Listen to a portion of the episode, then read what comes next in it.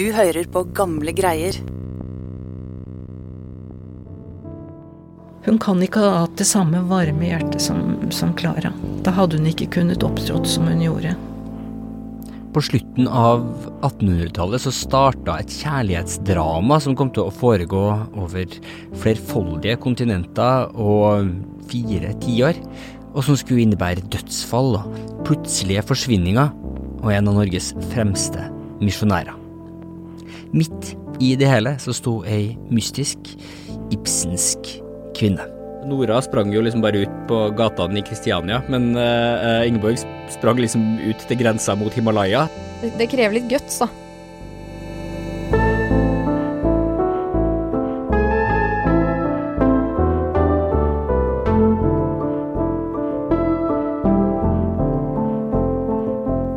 Hei, Live. Hei. Journalist i Nasjonalbiblioteket. Du jobber med tekst, eh, der jeg jobber med, med lyd. Yes. Ja, men vi har uh, slått oss litt sammen i denne uh, episoden. For vi har kommet over en kjærlighetshistorie. En veldig komplisert kjærlighetshistorie. Eh, og det er, en, det er en kjærlighetshistorie som involverer i hovedsak eh, tre kvinner og to menn. Og den har alle de klassiske elementene som, som skal med i en god historie.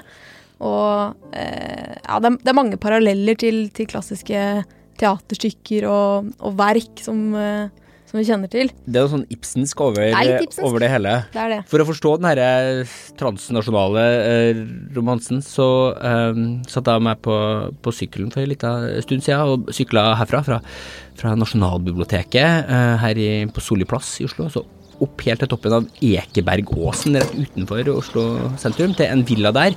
Flere av de karakterene i den historien her. Og der satt Randi Kristine Liahjell Preus Dyrerud på uh, verandaen med, med utsikt ned mot uh, Oslo-gryta. Og i hagen så sprang det en svært uh, lykkelig bokser. Syns du den var litt spennende? Fin mikrofon! Syns du den var litt spennende? Et sted å, å, starte denne historien som Randi har prøvd å bli klok på, det er med et par på Gjøvik på 1860-tallet.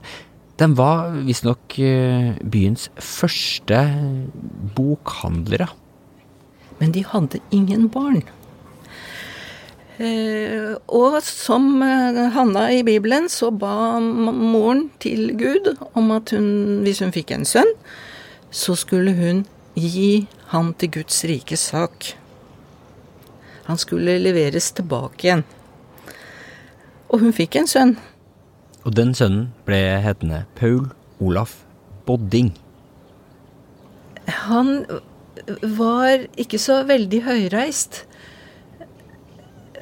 Som normalt høyreist. Han ble litt mer tykkfallen på sine eldre dager, ser jeg av bildene han var nok langs... Jeg ser for meg at han var langsom når han talte.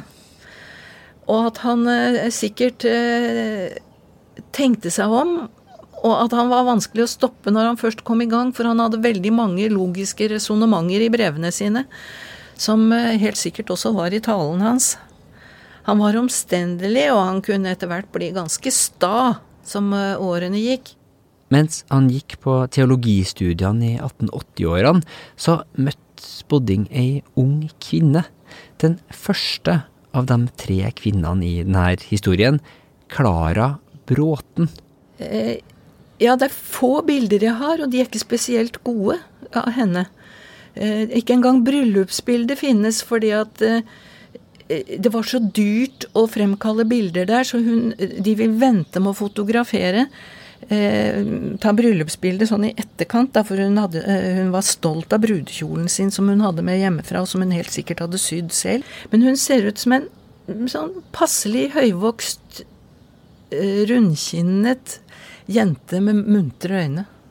I 1890 så reiser den nyordinerte Paul Olaf Bodding nedover til India. Han har blitt inspirert til å bli med en tidligere norsk fengselsfugl og en danske, som vil bygge misjonsvirksomhet i Mohulpahari, helt øst i India, mot Bangladesh, blant santalfolket.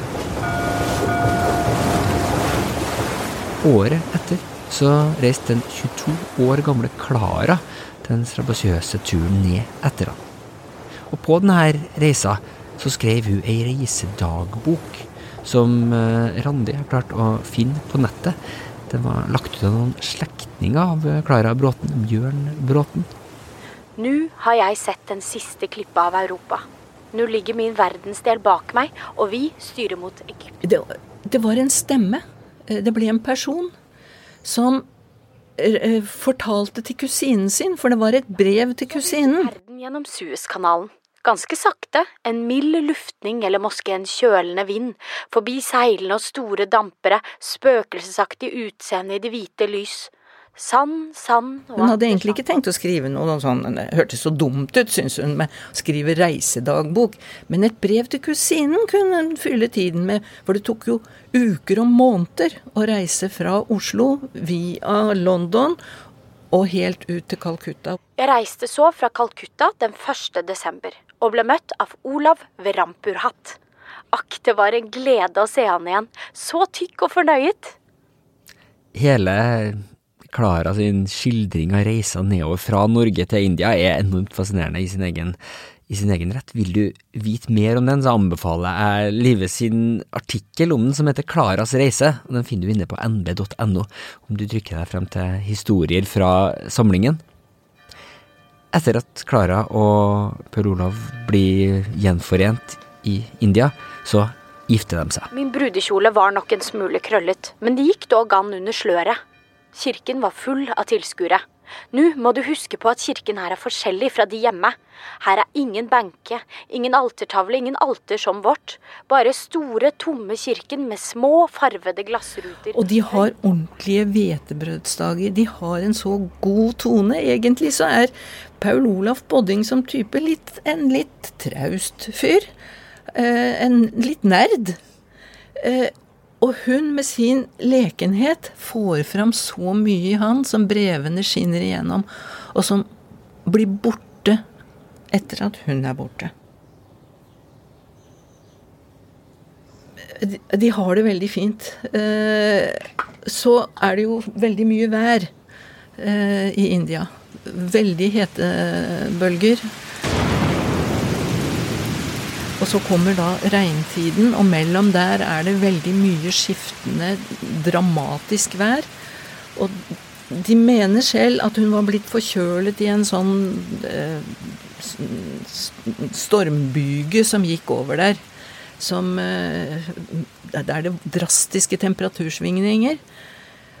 Og så ble hun liksom ikke helt bra, og hostet mer og mer, og til slutt så begynte hun å spytte blod, som de kaller det.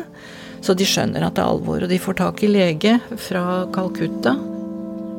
Eh, Hun er selv helt innforstått med at hun skal dø. Og så trekker hun sitt siste sukk.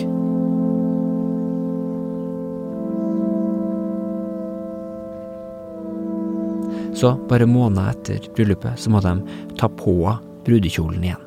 Eh, Bodding har ordnet med sånn at eh, den er klippet opp bak, sånn at det skal være mulig å få tredd den på henne på en slags vis, da. Så er han alene der ute.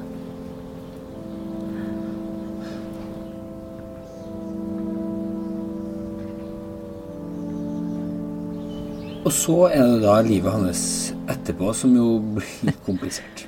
Det blir komplisert.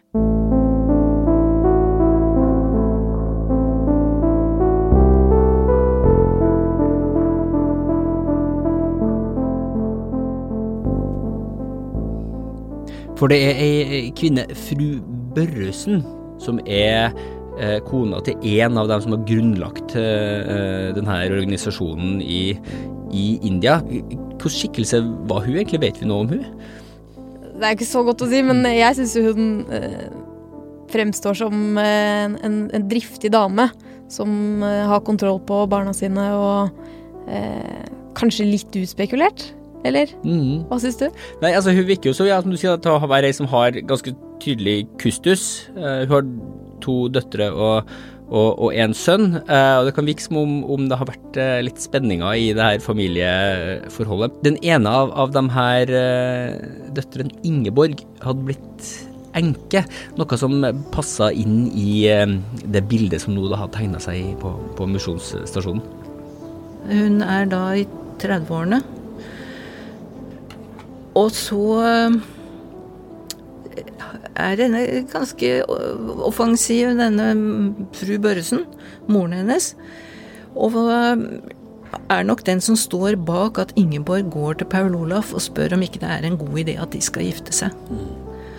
Og etter litt betenkning så aksepterer han det som en brukbar idé. Og de blir viet av hennes far, eh, som viet også Paul Olaf og Klara, i den samme kirken.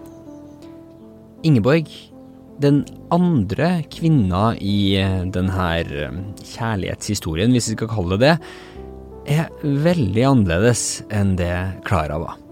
Uh, hun har nok vært en, en foretaksom ung jente. Jeg tror hun har vært mye i opposisjon til sin mor. Det tror jeg begge døtrene hadde vært. Det er lite beskrevet. Det er ting som er beskrevet av de rundt dem mere. At fru Børresen styrte fælt med døtrene sine, og at det var ikke greit for dem å bo for nær på. Og etter at hun ble enke, så kom hun jo da flyttende med datteren til Benagaria og ble boende i samme husholdningen. Hvordan ser hun ut sammenlignet med Klara? Altså, hvordan har du noe, dag? Hun er, hun er ikke så åpen. Eh, ikke av utseende. I hvert fall, som jeg ser på bildene, så er hun mye mer spiss. Det kan være utseendet som bedrar. Hun kan ikke ha hatt det samme varme hjertet som, Klara. Da hadde hun ikke kunnet opptrådt som hun gjorde.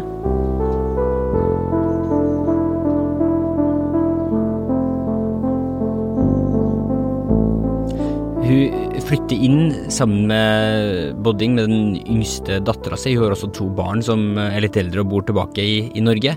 Hun har med seg hester og en hestepasse, for hun må liksom være i bevegelse, virker det som. Eh, hun har en sånn uro i seg. Eh, hvilken type tror du Ingeborg egentlig var, Livet?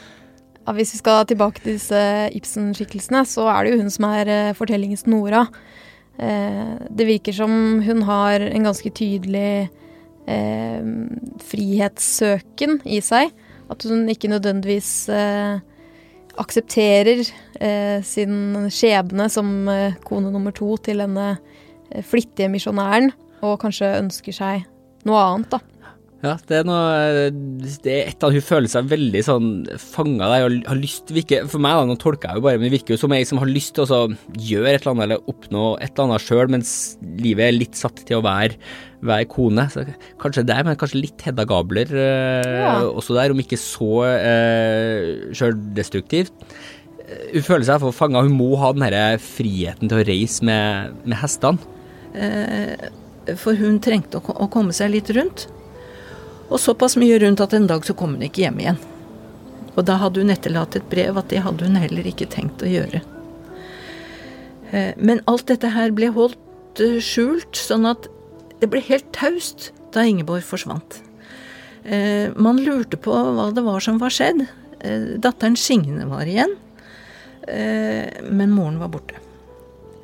Og teorien rundt om, både hjemme etter hvert som det ryktes at uh, Ingeborg var borte, og der ute, var at antagelig så hadde det blitt for tungt for henne. Kanskje litt sånn uh, nervøse lidelser etter alle opplevelsene hennes med sykdom og død da mannen ble borte. Så de tenkte kanskje hun var på et eller annet Eh, sted hvor hun fikk hjelp for nervene sine, som man kalte det den gangen. Men at man da holdt det skjult? Og det snakket man jo ikke om, så derfor så ble Ingeborg et ikke-tema etter hvert. Ja. Eh, og verken moren eller Paul Olaf eh, svarte på spørsmål. De var bare hoderystende, såkalt intetanende om hva som var skjedd. Og årene gikk. Og lille Signe ble sendt hjem til Norge, til familie. Først gikk det ett år, så fem, så ti, så to tiår. før den tredje kvinna i denne historien dukker opp. Paul Olaf bodde, bodde alene. Han ble etter hvert formann på feltet og flyttet fra Molpahari og inn til eh, det som var blitt eh, det nye senteret for misjonen i eh, Dumka. Misjonen den vokste og gikk fram, og de fant ut at de ville ha legemisjon. Og ut hadde det kommet en dansk kvinnelig lege som het Kristine Larsen. Eh, og hun var også et nydelig menneske. Rolig, varmhjertet, med gode øyne. Og hun fikk veldig tillit blant santalene, ikke minst santalkvinnene, som hun da arbeidet mye blant. Etter at Kristine Larsen kom nedover, så går det ytterligere sju år før det hele går i lufta bomben springer, eller de selv, bomben kanskje for dem selv også, at de begynner å se hverandre som mann og kvinne. Og at de finner ut at de har, eh, vil ha glede av å leve sammen. Og tillyser forlovelse. Og det ble et sjokk for misjonen. For da husket alle det de hadde glemt. Det var jo en som het Ingeborg. Hvor var Ingeborg? Mannen er jo gift.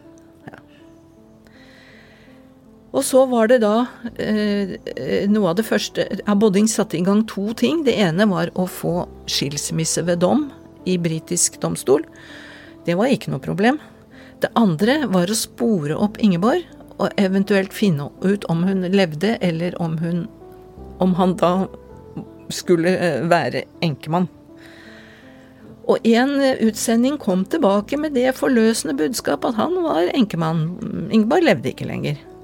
Men det var ikke riktig. Om det ble gjort fordi at det lå litt i den kulturen og ville komme hjem med det budskapet som han skjønte de kunne ønske seg.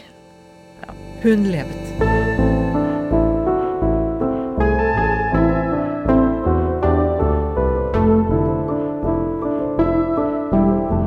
Jeg har sittet i mange, mange dager på Nasjonalbiblioteket, på spesiallesesalen, og lest brever.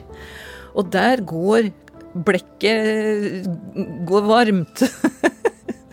og posten går att og fram, og telegrammer blir sendt, og hele misjonen er mobilisert. Vi kan ikke ha en fraskilt, gjengiftet mann i misjonen. Det ble veldig mye konflikt mellom familien, fordi de ønsket ikke at sannheten skulle komme fram. De benektet det som Bodding kunne fortelle, som han hadde visst hele tiden, og som eh, ingen, særlig ikke i familien, ville vedkjenne seg. Og det var den historien om hestepasseren, og om at hun reiste med en muslimsk hestepasser hjem til hans landsby det her er altså mann nummer to i um, den herre kjærlighetstriangelet, eller femkanten, eller hva vi skal, skal, kalle det. Det er Mohammed Jan. Hva vet vi egentlig om mannen som Ingeborg rømte av gårde med? Vi vet jo veldig lite om Mohammed Jan, men han må jo ha vært en ganske sjarmerende, karismatisk type, tenker jeg i hvert fall. Eh, for at Ingeborg, som sikkert også var drevet av, av indre motivasjon andre, av andre årsaker eh, Men hun, jeg tror hun må ha vært ganske forelska i han. Blitt ganske sjarmert av han. Eh, for det er et ganske drastisk skritt, det hun tar. Mm. Å rømme med en muslimsk mann. Hun, hun, er oppvokst i et veldig kristent miljø. Hun har gifta seg, hun har fått tre barn. Og å kaste det livet på båten og og, bevege seg inn i noe helt nytt mm. sammen med denne mannen. Jeg, jeg tror han må ha vært eh, ganske eksepsjonell type. Ja, det er, liksom, ja, det er litt vagt det vi har fra, fra kildene, men det må ha vært et eller annet med, med Mohammed Jan, skulle en tro, som, som gjorde at han ja, de, de, sammen da rømt av gårde og gjorde det her store bruddet. Ja, og jeg tenker jo at uh, det er egentlig det som er aller mest interessant med den historien. Det, det som skjer der, men det er også det som er mest tåkelagt. Og det henger jo sammen, da. For at dette er jo så utrolig skamfullt for eh, Ingeborgs familie, og for Boddings familie, eh, at eh, vi får nesten ikke høre noen ting. Det er altså ganske totalt brudd med med kontakt med skandinaver og med, med europeere. Så etter det her så er det ikke så forferdelig mye vi vet om livet hennes. Men noe kontakt var det. Etter sigende så skal fru Børresen, altså moren, hatt kontakt med Ingeborg hele veien. Det skal også eh, Paul Olaf ha hatt. Men det var ikke aktuelt å komme tilbake til han. Eh, hun ga han hele skylden for at han var umulig å leve sammen med.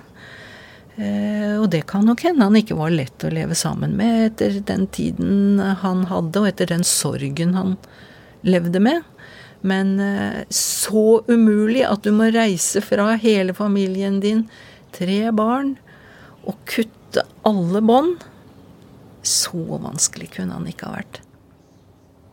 Det er jo to veldig forskjellige historier som fortelles om Ingeborg, da. Så søsteren til Ingeborg eh, skriver et brev til Signe, datteren til Ingeborg, når Signe har blitt voksen, om at hun ikke skal tro på det hun hører. Eh, hun skal ikke tro at eh, Ingeborg har gifta seg med Mohammed Jan, og at de har fått tre barn, og det stemmer ikke. Eh, Bodding ljuger, og han er, eh, han er en forferdelig type. Eh, det hun sier, er at Ingeborg or orket ikke å leve sammen med Bodding, for han var så forferdelig. Eh, og at de barna som det er snakk om, det er en annen kvinne sine barn. Ja. En kvinne som hun reiste med, eh, ikke hennes egne barn. Ja, så man pynter på den historien for Virker det som da for, for dattera til Ingeborg. Ja. ja. Men, men, hva tenker du om Vi har snakka litt om hva tenker du om Ingeborg når man liksom pusler sammen de her brikkene, de her forskjellige fortellingene om, om, hennes liv? Det er jo hun som er den mest fascinerende skikkelsen ja. i hele det her dramaet, tenker jeg da. Ja, virkelig. Hun er superfascinerende. Jeg skulle ønske vi visste mer. Jeg tenker jo at hun må ha vært ekstremt tøff.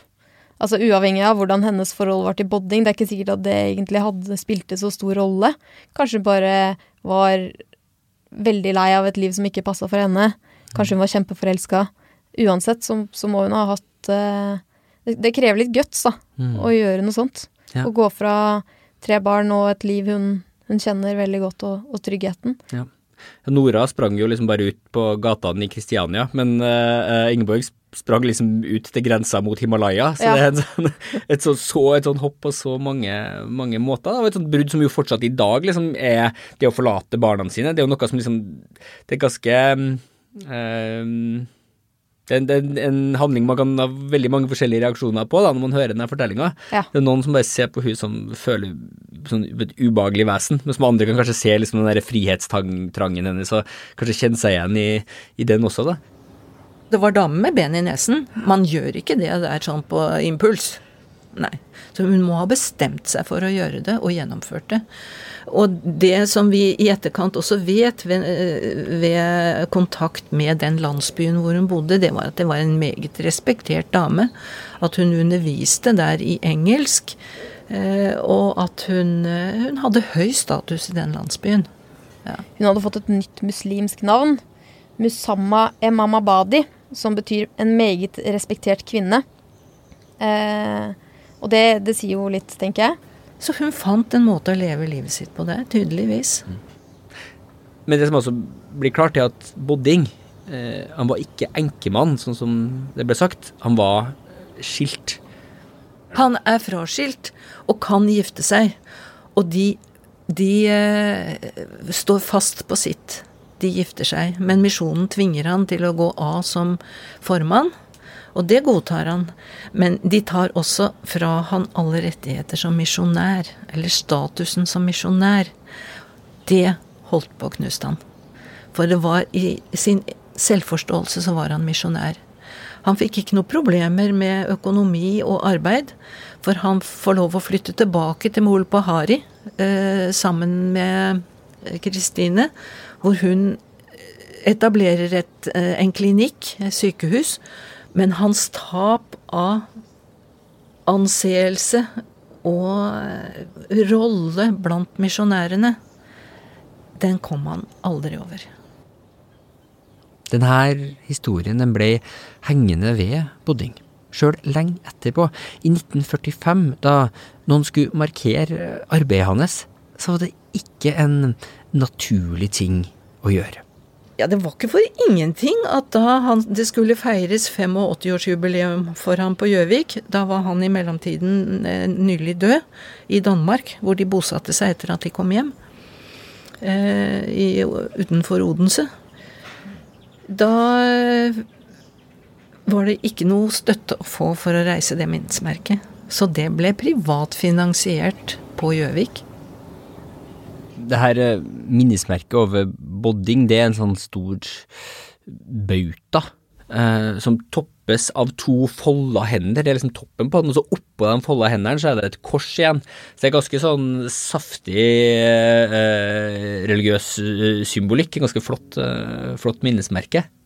Eh, Men de to første konene hans, de, de ble værende i, i India. Ja.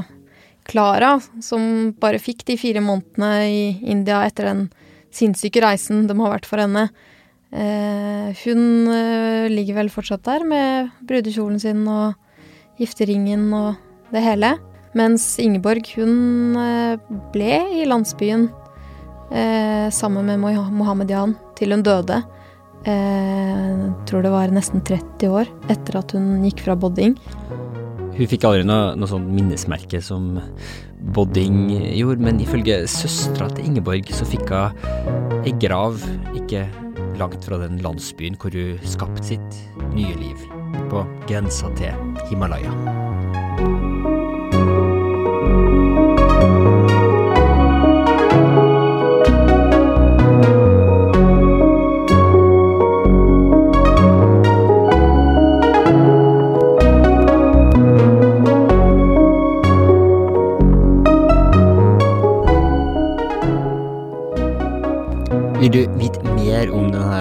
Historien, så vil jeg anbefale Live Vedel Nilsen sin tekst, som tar utgangspunkt i reisa til Klara Bråten. Den finner du inne på nb.no. Bare let deg frem til historier fra samlingen. Hele denne fortellingen var det Johan Ostad på seksjonen for sjeldne bøker og privatarkiv her på Nasjonalbiblioteket som først tipsa oss om, så tusen, tusen takk til hun, og takk til Randi Dyrerud for gode samtaler. Det vitenskapelige arbeidet som eh, Bodding gjorde eh, i India, det var annet å få samla en stor mengde eventyr fra santalfolket. En del av dem er oversatt til engelsk og utgitt. De ligger åpent ute digitalisert på nb.no. Bare søk på Bodding, så skal du nok klare å lete deg fram til det. Det gjør også tusenvis av notater fra de her innsamlingene, og dem finner du linker til i den artikkelen til Live som var nevnt. Stemmen til Klara Bråten var Emmy Henriette Netka. Musikken du hører i bakgrunnen nå, den er spesialkomponert for gamle greier av Therese Aune, og redaktør for podkasten er Ida Berntsen. Jeg heter Askild Matre Aasøre, fra kottet mitt her i kjelleren under Nasjonalbiblioteket. Følg med her i feeden, så kommer det noen små, spennende godbiter her i løpet av sommeren også, før vi er tilbake med en vanlig gamle greier-sesong i september. Til da, god sommer.